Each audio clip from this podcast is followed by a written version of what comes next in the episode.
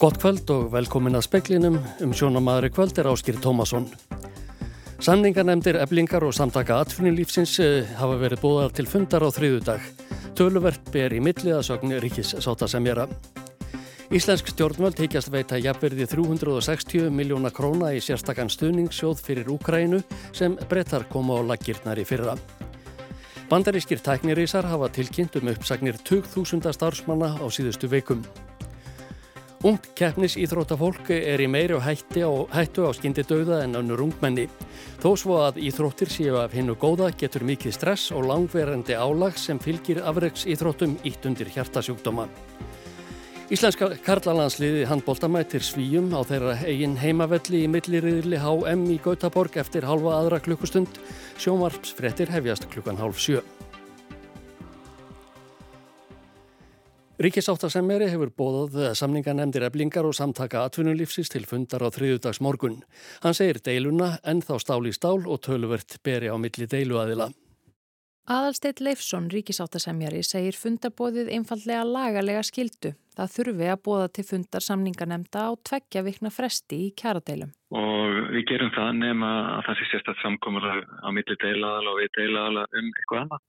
Þetta sé því ekki gert því einhverjar vendingar hafi orðið í viðræðum eblingar og samtaka atunulífsins, en sé staðan við það sama.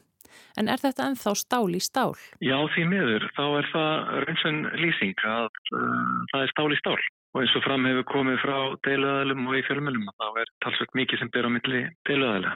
Aðalsteinn hefur verið í reglulegu sambandi við samningarnemndirnar. Ég reyni að vera björnsitt og vonglaður og uh, það er gott að hittast og, og fari við málinn og, og sjá og, og ræða hvort það sé einhverjir möguleikar áfram til sáta. Hann segir að auðvitað sé öllum steinum veld við í öllum kjaradeilum. Ekki síst í mikilvægum kjaradeilum sem náðu til stórs hóps fólks eins og í þessu tilviki. En uh, eins og ég segja þá er þetta kjaradeila í mjög fröngum hnút. Þetta sagði Alarsteinn Lefsson, ríkisáttasemeri, Gunnhildur Kerúl Birgistóttir talaði við hann. 20 manns sátu fastir í liftu á Íhlíðarfjalli í rúmar tvær klukkustundir í dag eftir að lifta bilaði.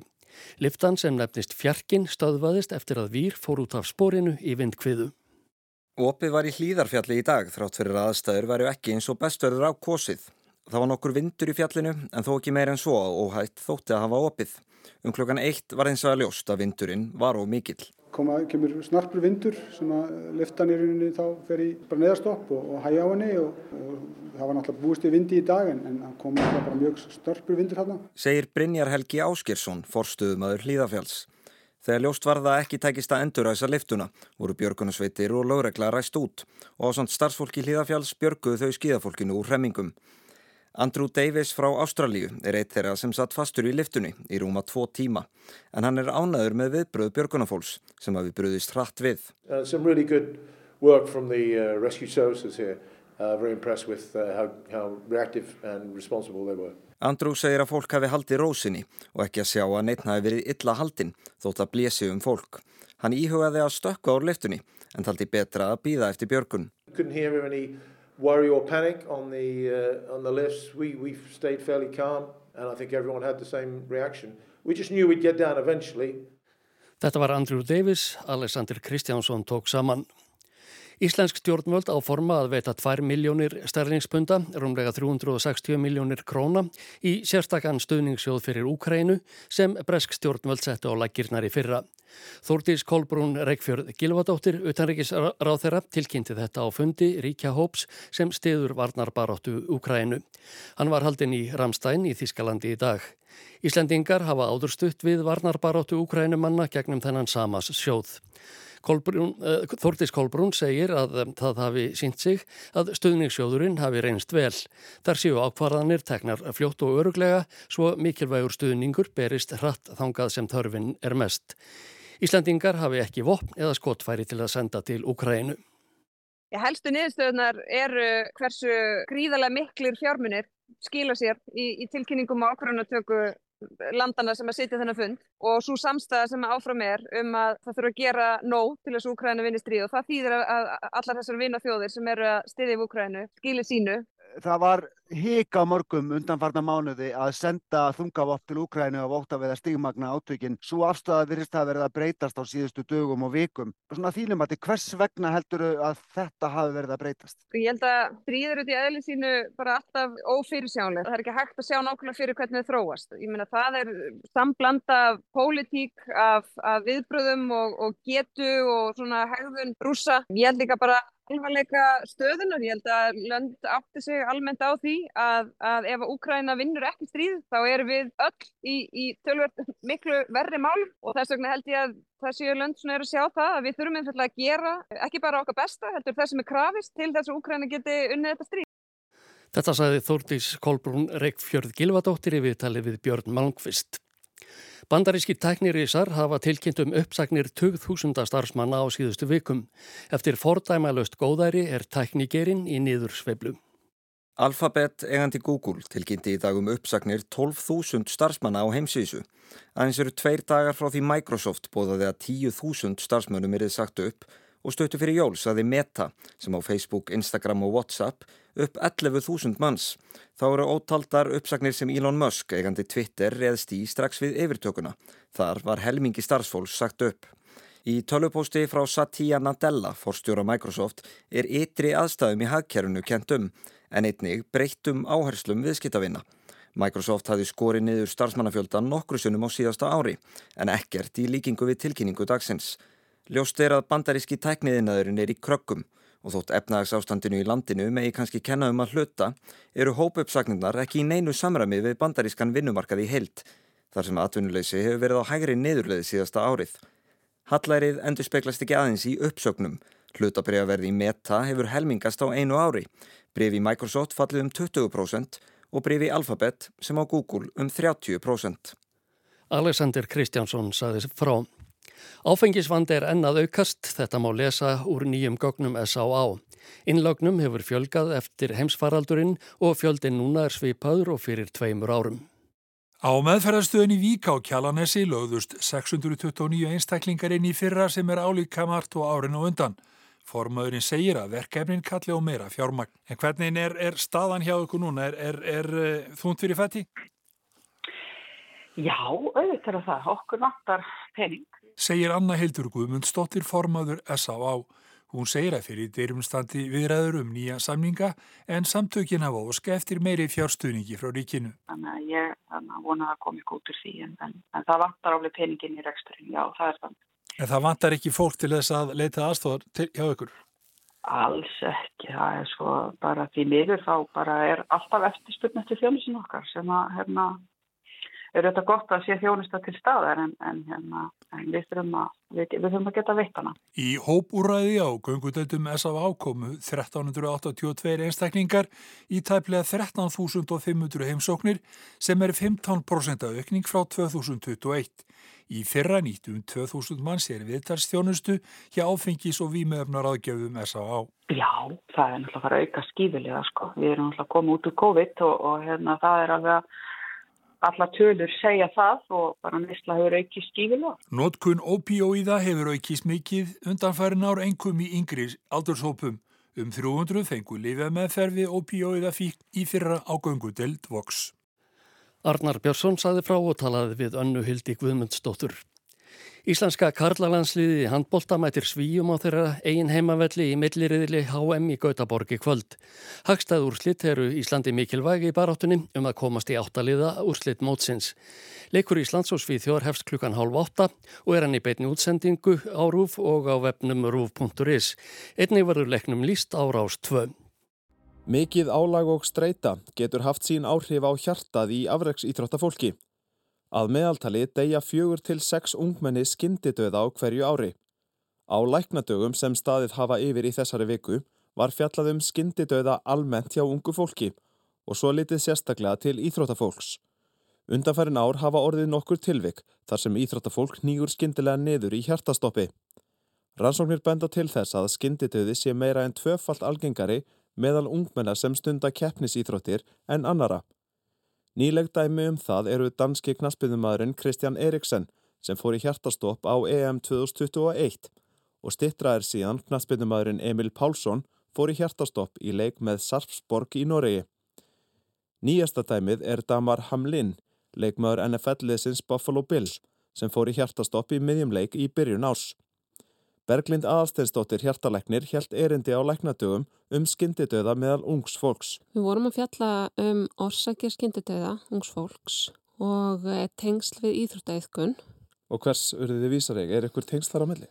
Það er þannig að íþróttæðkun er vissulega gríðarlega mikilvæg og góð fyrir helsuna.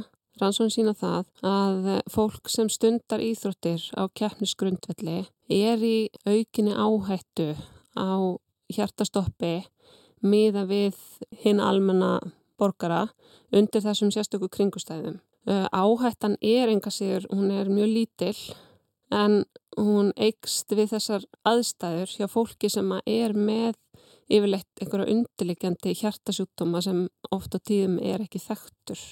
Þegar þú segir aðstæður, áttu þá við undir miklu álægi og miklu stressi? Já, undir miklu álægi Það er samingi á milli sko, mikils álags í langan tíma og þessarar áhættu. Og það, þetta er flókið samspil margar þáttar sem veldur því að einstaklingar sem eru með hugsanleikum kvilla fyrir að þeir eru útsettir í þessum aðstæðan það er samspil margra þáttar, það er mikið magn stresshormona í blóði og súrumistur hjartans ekst við mikla ánæslu. Mm -hmm. En bara svona almennt, hversu, hversu algengur er skyndidöði ungmenna yfir höfuð hér á landi? Skyndidöði ungmenna, við, þá erum við yfirlegt að miða við fólk sem er yngre en 35 ára. Þá er nýgengið svona í kringum 1-2 og hverja 100 einstaklinga á ári. Og það þýðir hér á landi tvö döðsföll árlega meðaltali í þessum aldurshópi. En hafa breytti lífsættir, hafa þeir haft einhver, einhver áhrif á þetta? Hefur þetta aukist? Ég get ekki sagt að hérna, breytti lífs, ef við sem farin að sjá að það endur spekli dánatinni hjá yngra fólki en það er vissulega eitthvað sem að endur speklar hættu og skyndituð að setna meir á lífsleginni og eftir 35 ára aldurinn þá fyrir við að sjá aðra sjúkdóma sem að eru frekar lífstilstengtir, til dæmis kransasjúkdómur er lang algengasta orsök eh, skyndidauða fólks eftir 35 ára aldur.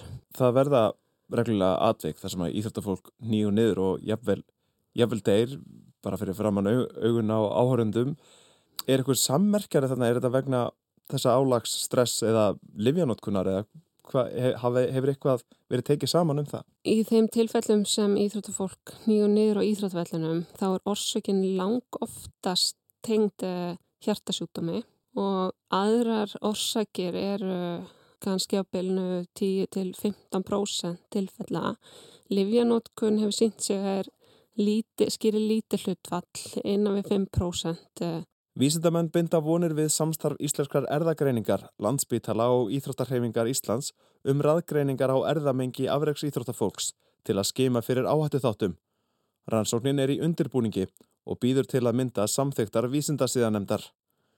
Aukið eftirlit er haft með íþróttafólki og sitt sínist hverjum um gagsimi þess að skima fyrir hjartavandamálum meðal íþróttafólks. Skimin íþróttamanna, hún, eh, tíð, hún er til dæmis lögbundin í, á Ítalju og hefur verið það í allangan tíma. Árangurinn er umdildur.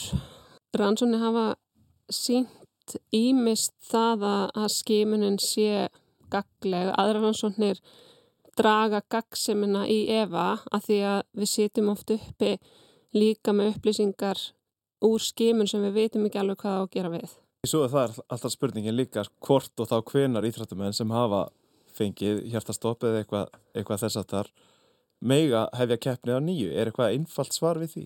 Nei, það er ekkit einfalt svar við því og það er algjörlega háð kannski orsökinni fyrir hjartastoppinu. Hver eru helstu orsakir skyndituða meðal ungsfólks? Þegar við erum að tala um hérna, skyndituða ungsfólks þá erum við annars með hjartórsakir og ekki hjartórsakir. Í samingi við e, íþróttafólk og kjærnisgrundvelli sem að reyna nýra á leikvellinum að þá er það lang oftast af e, orsakað af einhverjum undirlíkjandi hjartasjútdömi sem í mörgum tilfellum getur verið argengur og hjá svona ungu annarsvöstu fólki að þá eru helstu ástæðan, ástæðanar eru marg breytilegar en svona það sem við sjáum oftast það eru argengir hjartavöðasjúkdómar, það eru svona sínileg hjartasjúkdómar til dæmis hjartavöðasjúkdómar sem eru ofta argengir. Svo geta það verið óæðileg upptök eða lega á kransæðum og svo erum við hins vegar með sjúkdómsflokk sem að þar sem þú ert með algjörlega eðlileg, eðlilega útlítandi hjarta en það er raf lífælisfræðileg tröflun sem að ítir undir áhættu á hjartsláttar tröflunum og hjartastoppi.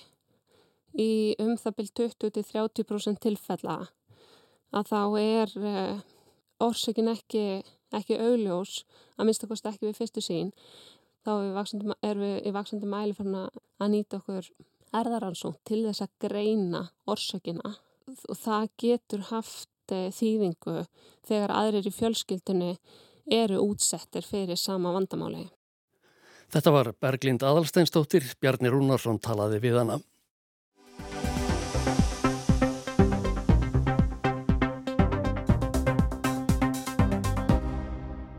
Norsk yfirvöld ætla að láta rannsaka hvort og hvernig það megi vera að ætleitt börn hafi komið ólögulega til landsins.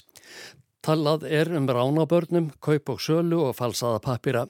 Þetta á engum að hafa gerst á nýjunda áratug síðustu aldar. Yfirvöld eru gaggrind fyrir að taka mildilega á grunum svik og að hafa ekki fyllt klögumálum eftir. Gísle Kristjánsson. Raunar hefur áþörum hér orðið tvísaga í þessu máli. Fyrst lísti Kersti Toppe, ráðhara barna og fjölskyldumála, því yfir fyrir jóla engin skjöl væri til sem bentu til að ranglega hefði verið staðið að ættleiðingum barna. Síðar sagði ráðhara að skjöl sem bentu til slíks væru ekki tiltæki í ráðuneytinu. Svo komi ljós að slík skjöl voru til og að yfirvöld hafði vitaði um misfellur við ættleiðingar alveg frá árinu 1989. Þau skjöl voru í utarækisráðuneytinu. Þá hafði meira segja verið reynd að bæta úr misfjöllum með peningasendingum til foreldra sem hafðu séð á eftir börnum sínum í ólöglega ætliðingu. Þetta gerðist allt löngu fyrir valda til núverandi ráðherra barnamála. Skjálasöfn ráðuneytana geima aðra sögu en ráðherra vissum. Því á nú að ráðast í ofinberra rannsókn á ætliðingum til Noregs síðustu ára tugi. Í sumum tilveikum er grunur um að börnum hafi verið rænt til dæmis í Ekvator í Suður Ameríku og þau seld. Nöfn foreldra þessara barna eru þekkt, þau léttu leita að börnunum. Í öðrum tilvikum er grunur um að börn hafi verið tekin af barna heimilum, pappýrar um uppbrunna þeirra falsaðir og þau síðan seld til ætleðingar. Í þeim tilvikum er oft erfitt eða með öllu útilokað að finna raunmörlega foreldra barnana. Sögur ættleitra barna í fjölmiðlum hafa leitt til þess að nú er vilji til að skoða þessi mála nýju. Í norskum lögum er gert ráð fyrir að ættleiting sé lagalega bindandi og að tengsl við kynforeldra sé rófin um alla framtíð. Þetta er ekki vandraðlust þegar vitað er að börnum hefur verið rænt eða þau keift á stopnunum. Eitt dæmir um stúlku sem rænt var 30 ára gamalli í Ekvator, hún er nú að færtugs aldri. Saga hennar hefur vakið mikla aðtikli hér í Noregi. Yfirvöld vildu í fyrstu ekki kannast við málið en síðar kom í ljós að utanrikisráðnetið hefði lagt fram fjö í bætur til móður hennar en ekki orðið við óskum að fá bart sitt aftur. Meira að segja Torvald Stoltenberg þá utanrikisráð þeirra hafði reynd að hafa milligöngumálið en barnið fór aldrei heim. Fleiri dæmur um grunum rán og sölu og börnum frá Ekvator Ætlaðingar þaðan til Noregs voru stöðvaðar árið 1989. Börn voru líka ætleitt frá Kína fyrir aldamótin. Síðan hefur komið í ljós að grunnsamlega mörg þeirra voru fætt 1. janúar hvert ár. Þetta bendi til að raunverulegu fæðingadægur hafi verið allt annar. Mörg hliðstæð mál hafa komið upp varðandi ætleiðingu barna frá Sri Lanka, engum á nýjunda áratug síðustu aldar. Á einum áratug komi meir en 200 börn þaðan til Noregs. Núna þykir sínt að þarna hafa orðið misfellur á í gerð skjala með börnunum. Krafa var um að mæður mættu í rétti með gildapappýra en svo virði sem einhverjar konur hafa aft að því atvinnu að mæta fyrir rétti með tilbúna pappýra og segjast vera mæður viðkomandi barna. Sögur, tengdar misfellum við ætliðingu, hafa leitt til þess að 3,5 miljón norskara króna hefur verið varið til að styðja ætlið börn í leitað upprunna sínum. Þetta jafn gildur um 50 miljónum íslenskar króna og því ekki lítið. Aðeins eins og viðurkenning á að eftirliti með ætliðingum hafi verið ábúta vand. Börn ætleitt frá Suður Kóru hafa stopnað með sér samtök hér í Nóri til að fá upplýsingar um upprunna sinn Hliðstæð samtök eru starfandi í Danmörku. Yfirvöld í Suður Kóriðu hafi viðurkjönt að gögnum ætt og uppbrunna þessara barna hafi í sumun tilvökum verið tilbúningur og nú hefur ráð þara barnamála hér bóðað ítalega rannsókn á ættleiðingum fram til þessa. Teach your children well Their father's help Engvað staðar var því líst þannig á sínum tíma að döðlegir menn gætu vart komist nært við að hljóma eins og englakór en þegar David Crosby, Stephen Stills, Graham Nass og Neil Young röttuðu saman. Hér herðum við brot af einu af þeirra þekktasta lægi Teach Your Children frá árinu 1970. Svo frett barst í gerkvöld að sá fyrstnemdi, David Crosby, væri fallin frá 81 árs að aldri. Hann hafði átt við van heilsuða stríða um skeið. Hans hefur verið minnst í dag sem eins hennar stóru í dagur tónlistarlífi 7. og 8. áratugar síðustu aldar, mannsins sem tók þátt í að stopna tvær stórsveitir, The Birds og Crosby, Stills, Nass og Stundum Young. Með þeirri fyrirnemdu átt andrúan þátti að löga borð við Turn, Turn, Turn, Eight Miles High, So You Wanna Be a Rock'n'Roll Star og ekki síst eh, Mr. Tambourine Man sló rækilega í gegn. Hey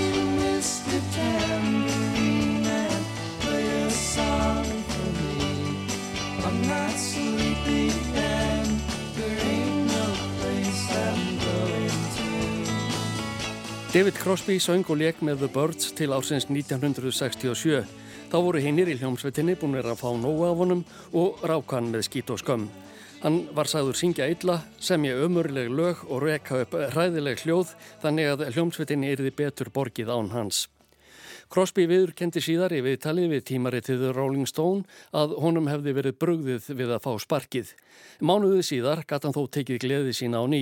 Þá hittu hann og Stephen Stills, brettan Graham Nass í fyrsta sinn heima hjá listakonunni Joni Mitchell. Nass hafði gert gardin frægan með hljómsveitinni The Hollies en ákvaða reyna fyrir sér í Ameríku og fór þangað án þess að hvaðja kongni prest. Þeir Crosby og Stills voru að ratsetja lagið You Don't Have To Cry sem Stills hafði samið nýlega. Þeir sunguða tveisvar fyrir Nass og í þriðaskiptið tók hann undir með þeim. Ofursveitinn Crosby, Stills og Nass var orðin til á einni klukkustund eða svo.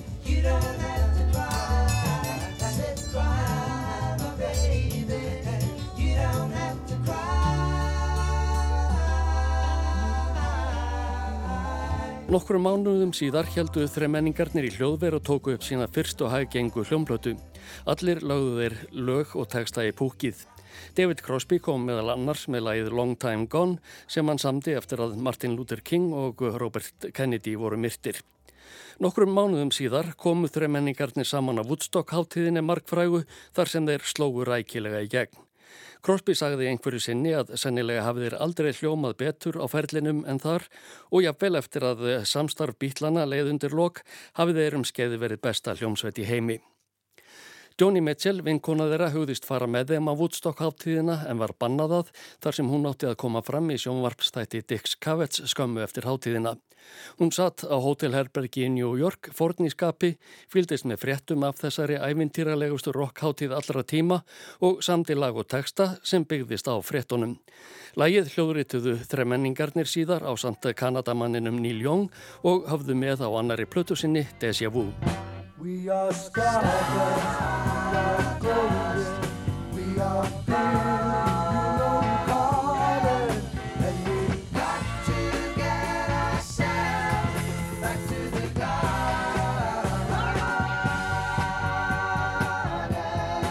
Crosby, Stills, Nass og Young og brot af læginu Woodstock eftir Joni Mitchell.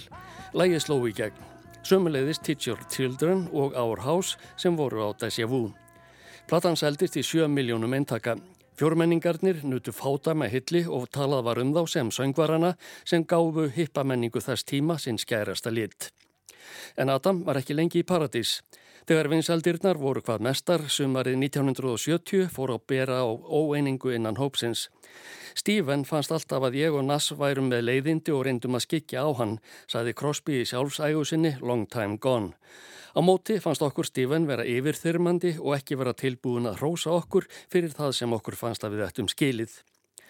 Í viðtalið sem Egil Helgason átti við David Crosby í Silfri Egils þegar hann kom hinga til lands árið 2018 saðist hann hafa verið vansæl í Crosby, Stills og Nass.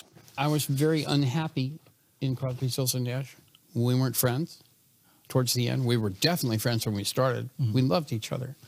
But 40 years later, it had devolved to the point of just turn on the smoke machine and play your hits. And it wasn't any joy. And we didn't like each other. Við vorum engir vinir undir lokinn, saði Crosby, en við vorum það svo sannarlega upphafi. 40 árum setna hafði þetta kóðunað niður og við spiluðum bara vinsælistu lögin okkar. Okkur fannst þetta ekki gaman og við vorum búin að fá nóg hver af öðrum. Árið 2015 leiði samstarf þremenningana endanlega undir lok. Það gerðist eftir að David Crosby og Graham Nass lendi svo alvarlega saman að sá síðar nefndi héttví að tala aldrei framar við hinn. Í viðtali við Washington Times sagðist hann aldrei ætla að skýra frá ágreiningsefninu en sambandi þeirra væri endanlega lokið. David Crosby sendi á ferlinum frá sér all nokkrar einherjaplötur og var vart einhamur á síðustu árum. Þá fór hann í hljómleikaferðir víða um heim á samt James Raymond sinni sínum og hljómsveit þeirra. Hingað kom hljómsveitin haustið 2018 og hjælt eh, tónleika í háskóla bíói við mikinn fögnuð við stadra. Eitt þeirra hljóðritaði á símansinn lagið Ohio, eittið pólitískasta sem Crosby, Stills, Nass og Young hljóðrituð á ferlinum. Hér er brot af því.